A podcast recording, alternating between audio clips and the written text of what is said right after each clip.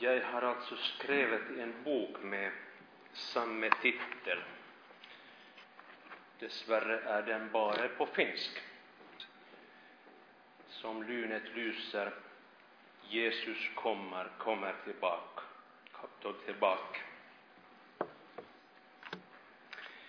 Jesus svarte, dere farer vill fordi dere icke känner skriftene och heller icke Guds makt.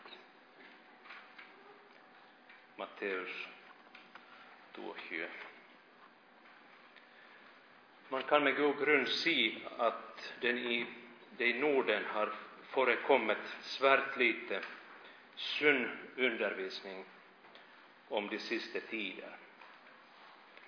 Statskyrkan har koncentrerat sig om nåtiden och på att försvara sin position och sin makt.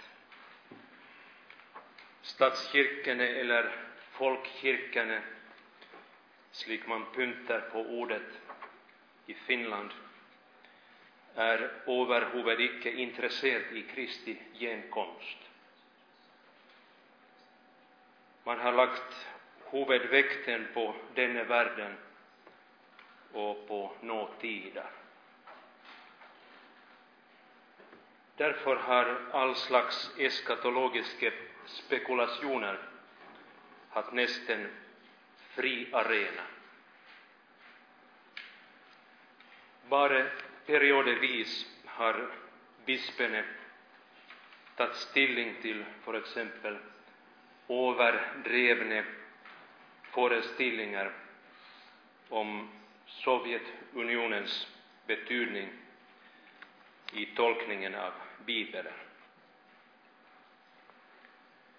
Kristenfolket i Norden har tillägnat sig sina eskatologiska tankar från anglosaxiska och speciellt från så kallade dispensationalistiska källor. På 70-talet var Hall Lindsey den mest berömde författaren och nu på 2000-talet har eh, Tim LaHaye och Jerry, Jerry B. Jenkins haft stor inflytelse. Icke kanske lika väl i samma grad som Lindsay hade. Vad slags eskatologi har de vanliga kristna tillägnat sig? Hvis man hade spurt väckelsekristna i Finland om de sista tiderna hade svaret blivit omtrent slik. Kristi genkomst ska vara en överraskelse. Människor ser bara fred, fred. Men det ska icke komma någon fred, men istället en rask undergång. Kristus ska komma på skyarna och rycka upp alla sanna och vakna troende. Men lunkna kristna och icke troende ska bli värende på jorden, Vår antikrist ska regera sju eller tre och ett halvt år, avhängig av lärerättningen. Då kommer det till att bli en tid av angst och förtvivlelse när hav och bränning brusar. Med enorma katastrofer, hungersnöd och jordskälv. Men mitt i allt detta ska Israel omvända sig och börja evangelisera i världen. Efter trängslen ska Kristus komma tillbaka på nytt, men nå på en synlig måte. Då börjar tusenårsriket på jorden, när djävulen är bundet för tusen år. Och efter det ska Satan släppas lös från sitt fängsel och förföra folken men Kristus ska vinna striden och döma alla, enten till ildsjön eller till himmelen.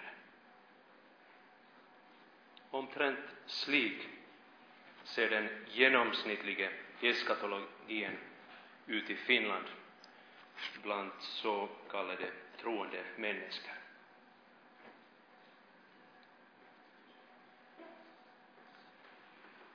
Vad slags konsekvenser har en slik eskatologi?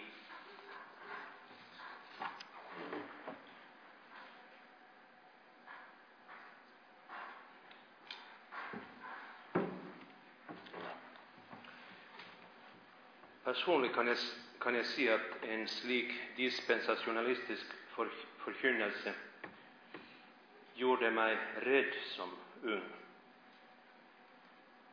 Jag var 12, 14 år gammal och tänkte att livet mitt icke var slik som det borde vara för en sann kristen. Jag var rädd för icke att vara färdig när, när Jesus kommer för att hämta de troende hem. Jag tänkte att jag kanske icke skulle vara bland de som ska tas upp i hemlighet. Två år levde jag i kontinuerlig frukt och det var förskräckligt.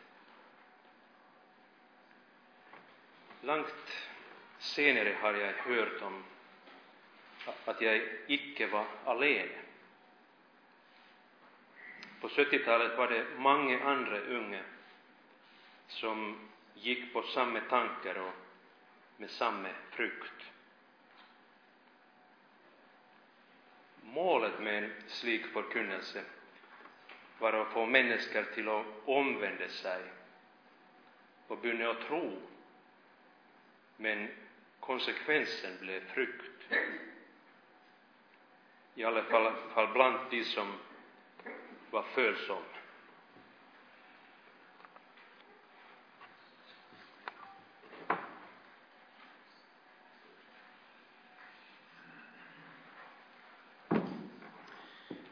En annan, annan konsekvens av den dispensationalistiska eskatologin var övermodighet.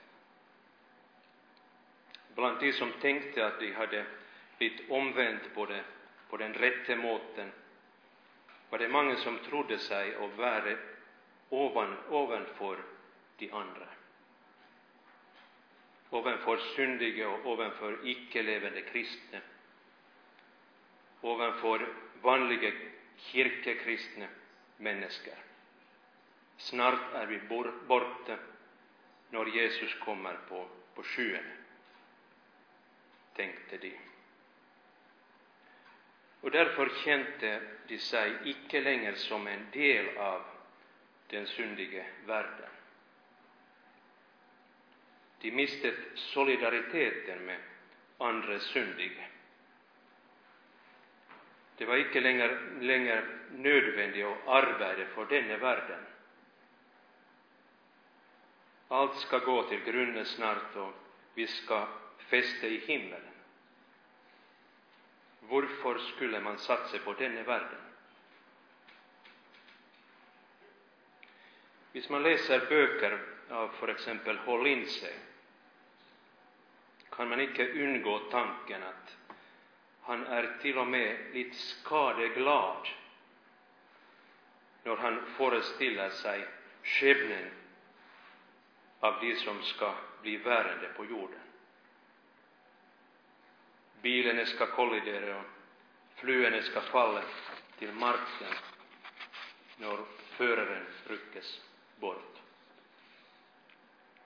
Kristna är, bort, kristna är borta och hela världen befinner sig i kaos. Övermodigheten kan man också se i det att dispensationalister tänker att de äger kunskap som andra, till och med andra kristna, icke har.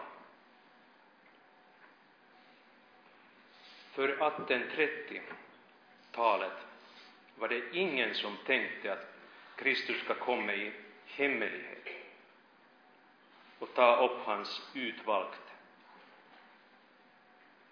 Men nå i de, de sista tider har den helige Ond förklarat denna sannheten för någon få kristna. Först för John Nelson Darby och därefter för andra. De som icke, de som icke godkänner denna läran betraktas som blinde och döva.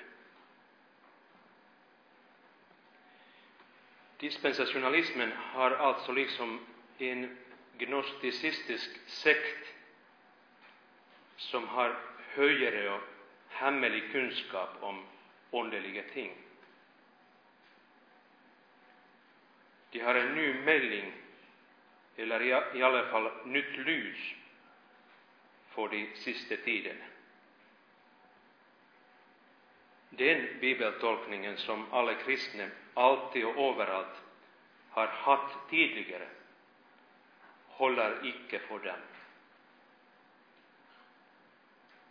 Därför förhåller de sig övermodigt mot den katolska läran om Kristi tillbakekomst.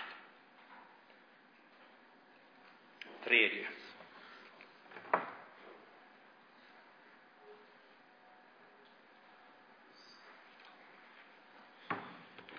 Den tredje konsekvensen av den dispensationalistiska eskatologin är att uppmärksamheten är koncentrerad på att undgå angsten. Da jag som ung kristen lyttet på slik förkunnelse var tyngdepunktet alltid detsamma. Vi som tror ska aldrig havna i vanskar i förföljelser eller i den beklämdheten som ska härska, som ska härska över världen i framtiden. Begrundelsen för det var för exempel första Thessalonikerbrevet 5 och 9. För Gud har icke bestämt oss till vrede, men till att vinna frälse ved vår Herre Jesus Kristus. Gud ska utgjuta sin vrede på jorden under de sista sju åren. Men det är omöjligt att vi kristna är här då. För Gud älskar ju och hatar icke oss. Vi må alltså vara i himmelen då.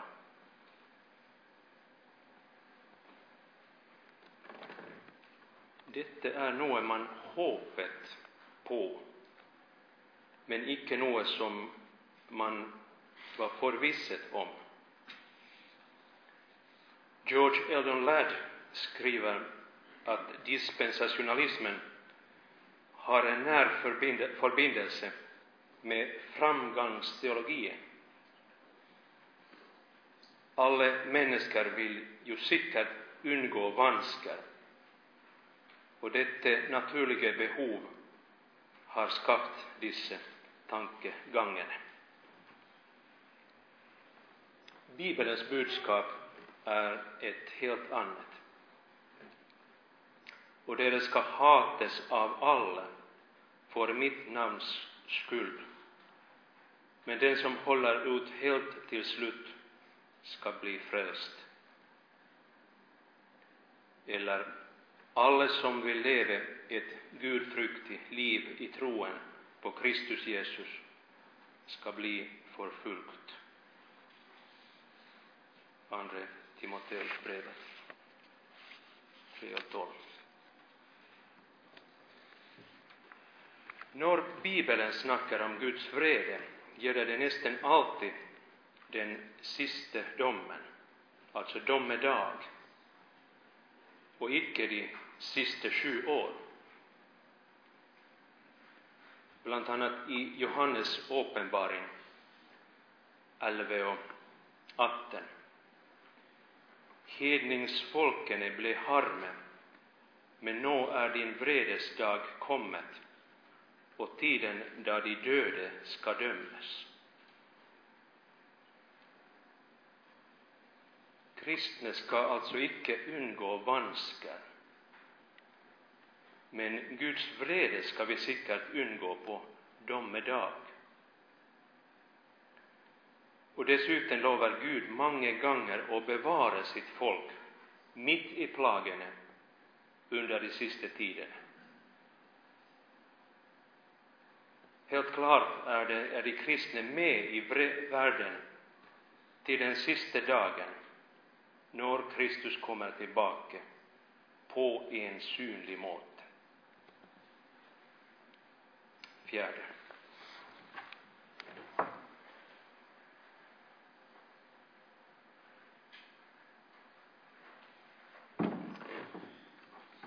För de som intresserar sig på eskatologi är det alltid en fara för att uppmärksamheten är på framtida och icke på fortida.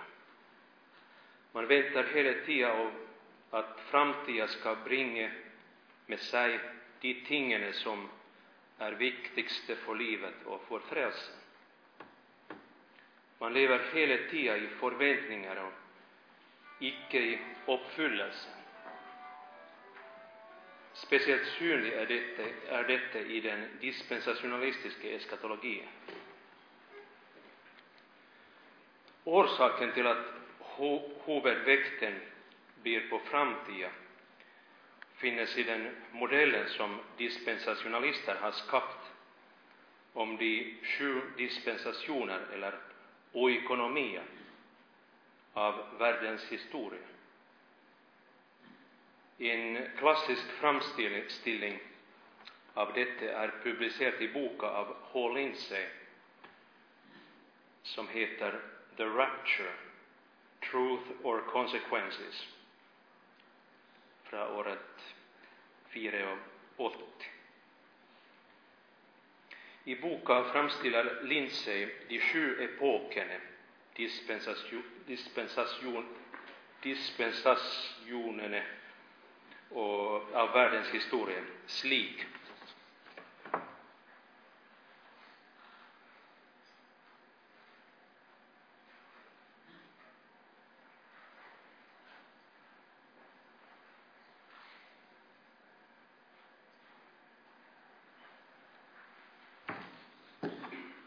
Först skyldighetens tid för syndefallet den första dispensationen.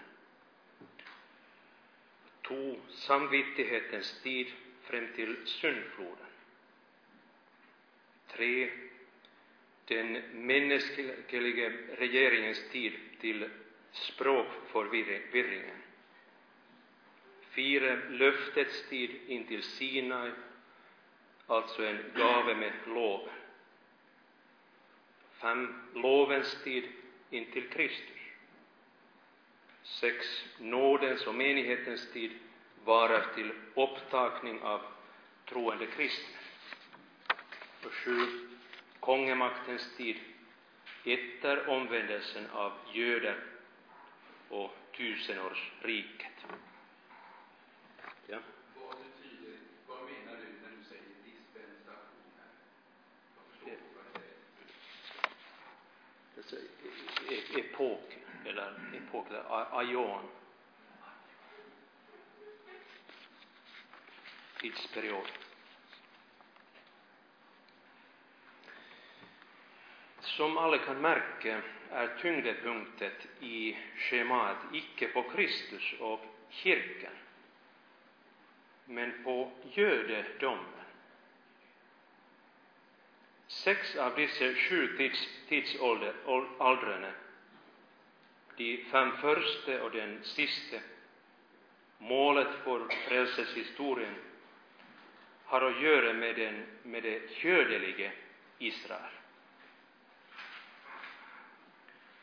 Visst man kan se att konfessionella lutheraner av och till undervärderar betydningen av göder i frälseshistorien, så är förhållandet nästan motsatt i dispensationalismen. De hedninge kristne är bara ett undantag i Guds plan. Nådens och menighetens tid är liksom bara ett avbrott i frälseshistorien. De väsentliga tingen har att göra med Israel och Jöden. På grund av detta koncentrerar man sig i bibeltolkningen på det gamla testamentet och på apokalypser i det nya testamentet. Religionen i det, det gamla testamentet och händelserna i tusenårsriket blir värderat som något av det allra viktigaste. Därför är, är också bland annat offren, templet och paktens ark huvudtemaer i svärt många dispensationalistiska böcker.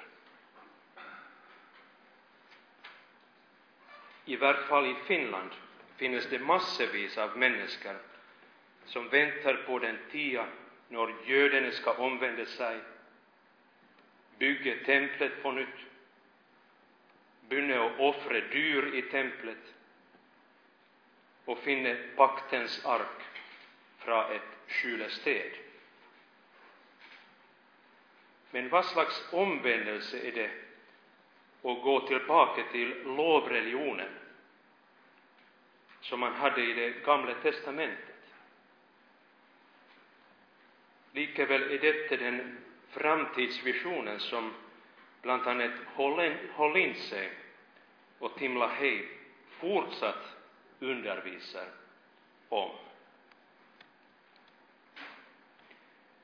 Vi som, vi som konfessionella lutheraner må klart och uttryckligt säga att detta är en grov ranglär. George Eldon Ladd säger att, säger att man kan icke tänka sig att Guds frälseplan skulle returnera igen till skyggenes tid. 5.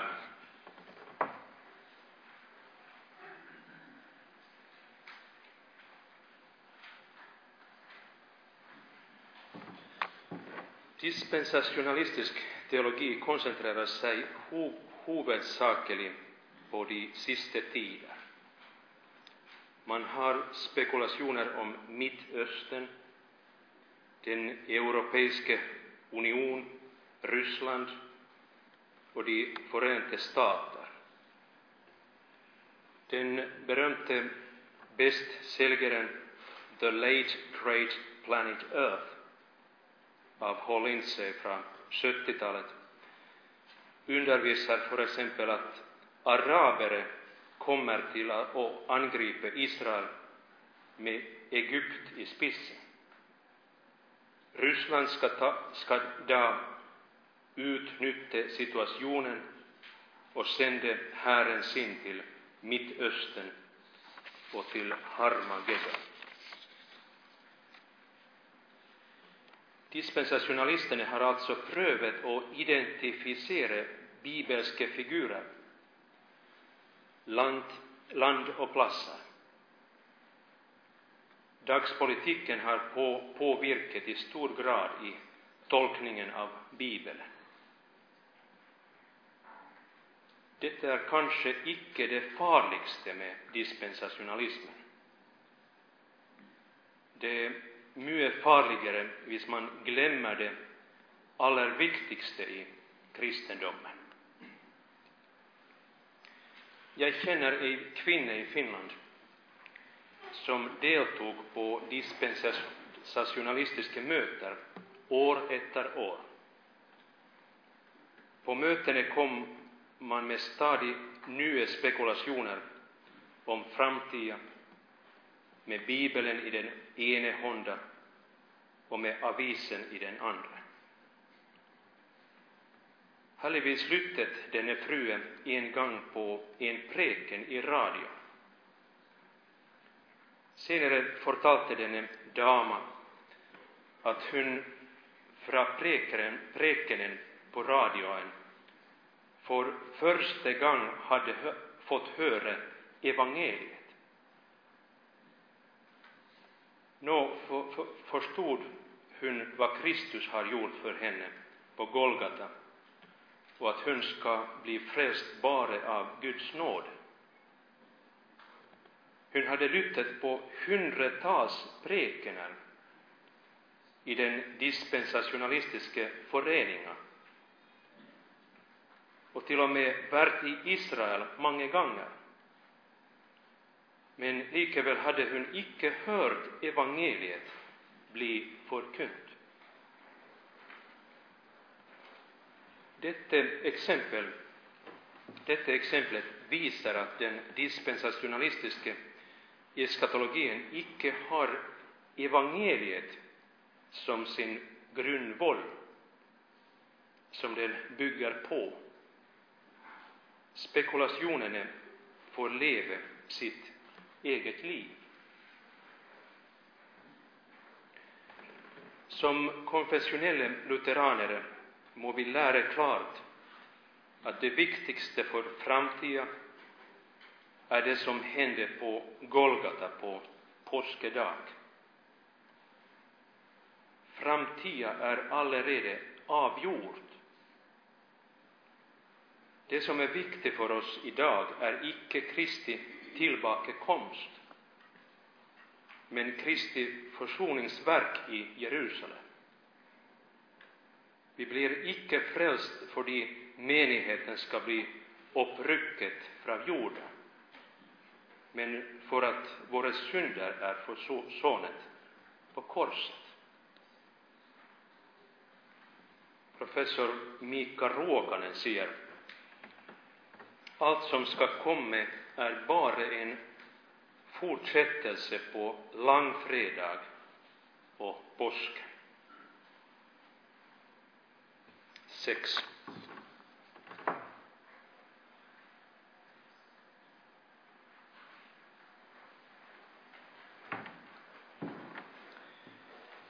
Det är liksom inbyggt i dispensationalistisk eskatologi att Kristi försoningsverk på Golgata icke är tilstrekkelig.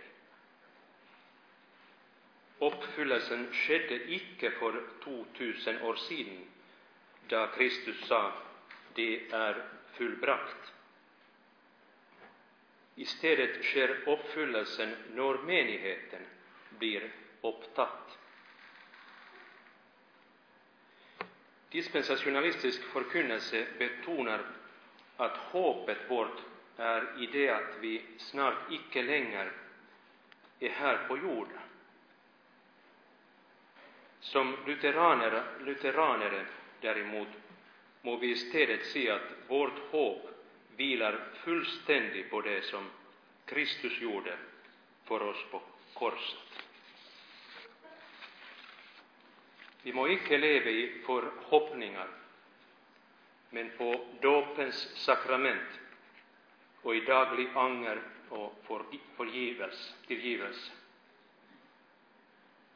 Där blir tyngdpunkten på rättfärdigheten och helliggörelsen och vi mister icke solidariteten med andra syndare, det vill säga med andra, våra medmänniskor. Dispensationalistisk eskatologi representerar icke en djupare spiritualitet, men tvärtemot i en mer overflatisk åndelighet. Man är icke förnöjd med att tro, men vill istället se. Därför erstatter man Guds ord och Bibelen med spekulationer forskjellige skjemaer kan oppfattes som noe mer konkret å bygge kristenlivet på enn Guds ord. Sju.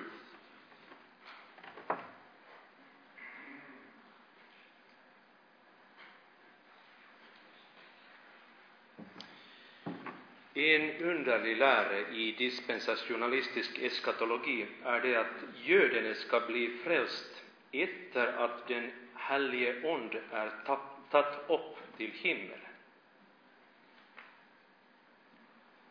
När menighetens tid uppförar tar Gud också den helige ond bort från jorden.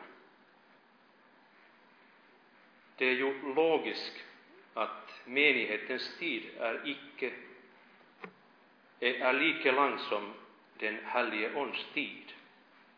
Icke sant?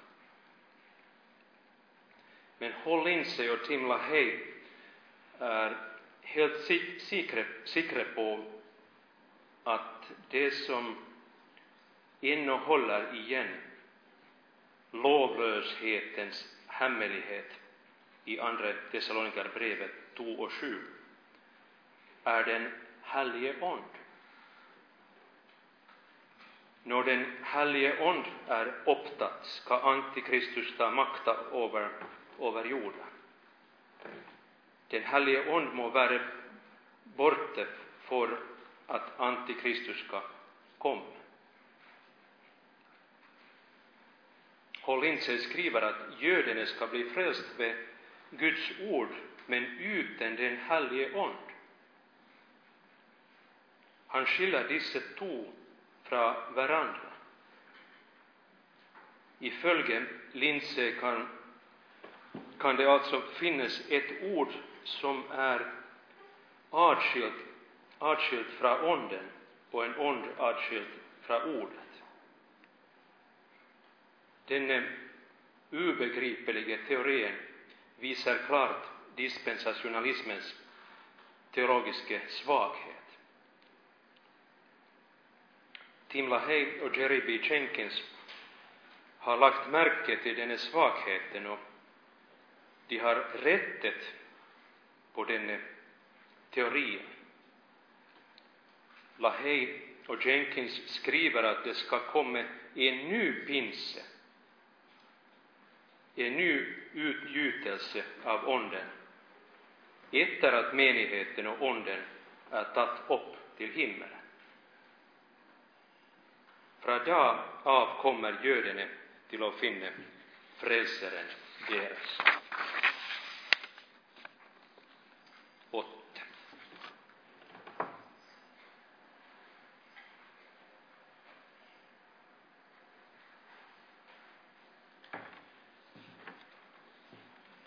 Professor Mika Ruokanen vid universitetet i Helsingfors säger att H. Linses popularitet på 70 och 80-talet byggde på att han kunde bruka och tillpassa Bibeln i stormakt, stormaktpolitiken. Den kalla krigen föregick fortsatt mellan Sovjetunionen och de Förenta staterna. De västliga länderna var rädda för Warszawapakten och trängde, trängte alla möjliga medel för att förhindra att kommunismen skulle sprida sig i världen. Dispensationalismen och speciellt Håll in sig, passet gott in i denna sammanhang. Det var lätt för Lindsey att finna passeliga texter från Bibeln för att advara och uppmuntra folk i västliga land i den situationen. En av dessa viktiga texterna var Hesekiel kapitlen 8 och 30 och 9 och 30. Utgående från dessa profetierna undervisade Lindsey att Sovjetunionen ska angripa Israel men tape kriget. Lindsey talar uppriktigt om tredje världskrig. Man hade funnit en bibelsk bekräftelse på att de västliga länderna ska segra. de Förenta stater skulle ifølge Lindsey forbli nesten urørte under disse fryktelige händelserna, händelserna i Midtøsten. Dette var behagelig for mange amerikanere å få høre. Etter oppløsningen av Sovjetunionen har Lindsey begynt å snakke mer om den arabiske verden och muslimerna som ärkefienderna. Muslimerna och Ryssland ska samman realisera profetierna i framtiden. Också Kina, som är uppgående stormakt, har vunnit mer uppmärksamhet i dispensationalistisk eskatologi. Men tyngdpunkten i dessa spekulationer ligger alltid på det att vi kristne icke kommer till att vara med när de allra frykteligste katastroferna sker. Vi troende är då allerede i himmelens glädje. Denne läraren har säkert påvirkat innstillingene til mange amerikanske og vestlige kristne. Den har forårsaket likegyldighet blant mennesker som tenker at de själv ikke skal være med i framtiden. De trenger ikke å ta ansvar for politikken. Man kan spørre seg om den dispensasjonalistiske eskatologien har påvirket de risikofulla avgörelserna som De Förenta stater har gjort de sista åren. Någon andra, kan kanske svara på det spörsmålet. Ni.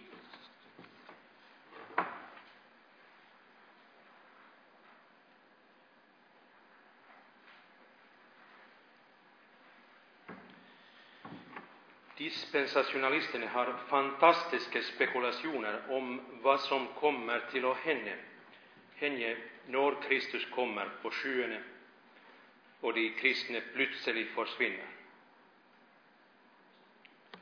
Men vad sker när det blir klart att det icke blir någon upptagning, upptagning av menigheten? Det kommer jordskjelv, krig, hunger, förföljelse, frafall, antikristus.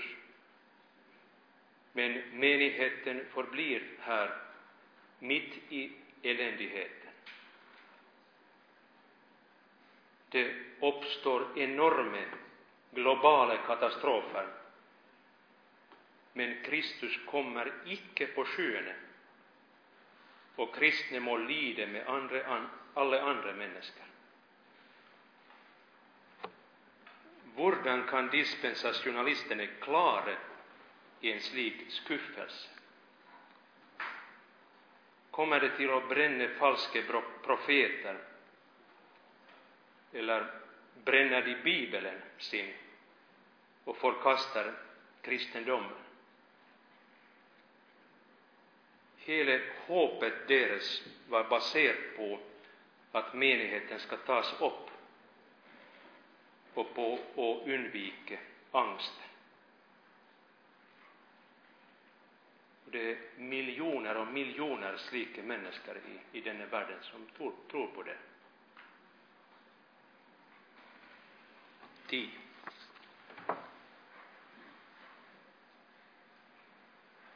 sammandrag.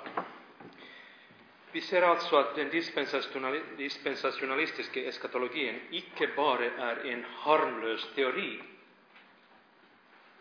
och en teologisk märkvärdighet. Det finns miljoner av människor som tror på den och bygger sin tro och sin framtid på dessa spekulationer. Den påvirkar dagligen massor av människor, icke bara i västliga land, men också bland nya kristna i Afrika, Asien och Sydamerika. Väkten ligger icke på det fullbrakte verk som Jesus Kristus har gjort,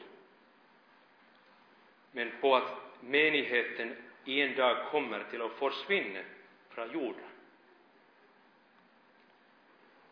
Det underliga livet mister sin stab stabila grund och man lever bara i en kortsiktig förväntning om upptagning.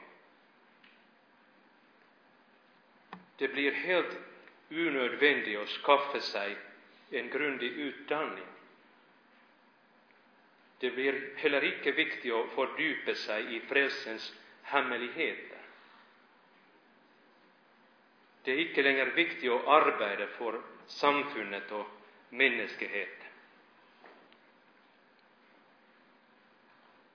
Det kan också ha haft otroliga konsekvenser i världspolitiken att många ledande politiker, speciellt i Amerika, har nära kontakter med dispensationalistiska profeter.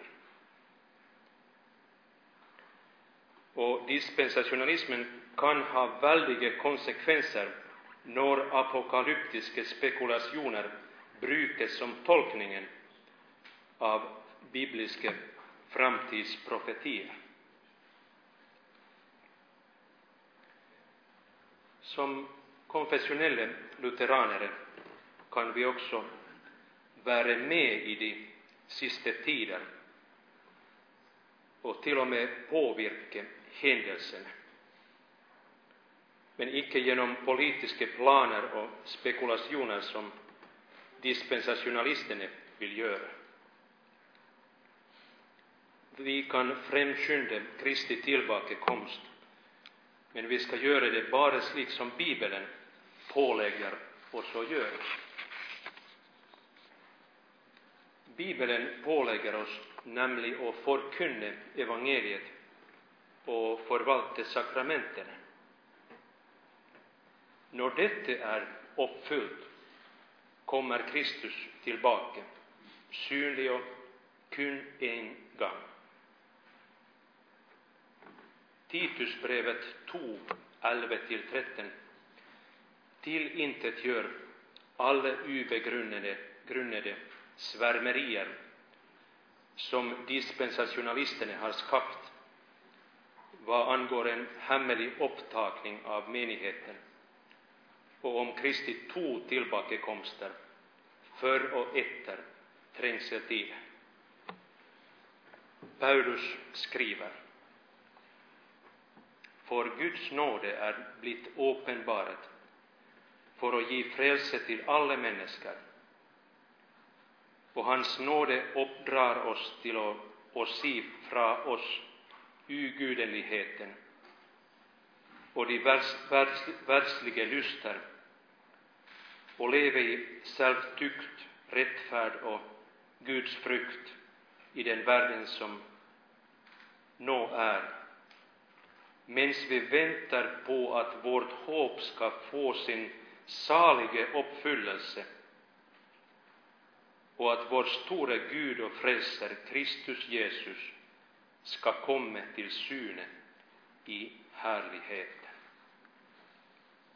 Här undervisar Paulus klart att vi icke ska hoppa att menigheten ska, ska bli upptatt. Heller icke hoppar vi, vi att kunna undgå alla trängsler och förföljelser. Paulus snackar om en tillbakakomst och om Kristi härlighet. Intill den dagen delar vi den samma skepnad som alla andra människor i världen. Själv om Gud ska bevara oss mitt i alla vanskar och prövelser. Vi lever av hoppet och icke av det vi ser. Vi lever i tro och icke i framgång. Vår, vårt hopp ska få sin salige uppfyllelse en dag som Gud alene vet. Den dagen kommer icke för förföljelser och kosmiska katastrofer. Och därför behöver vi syndundervisning om de sista tider. Vi behöver verkligen syndlära i våra menigheter. Ellers är vi icke färdiga när detta begynner att ske.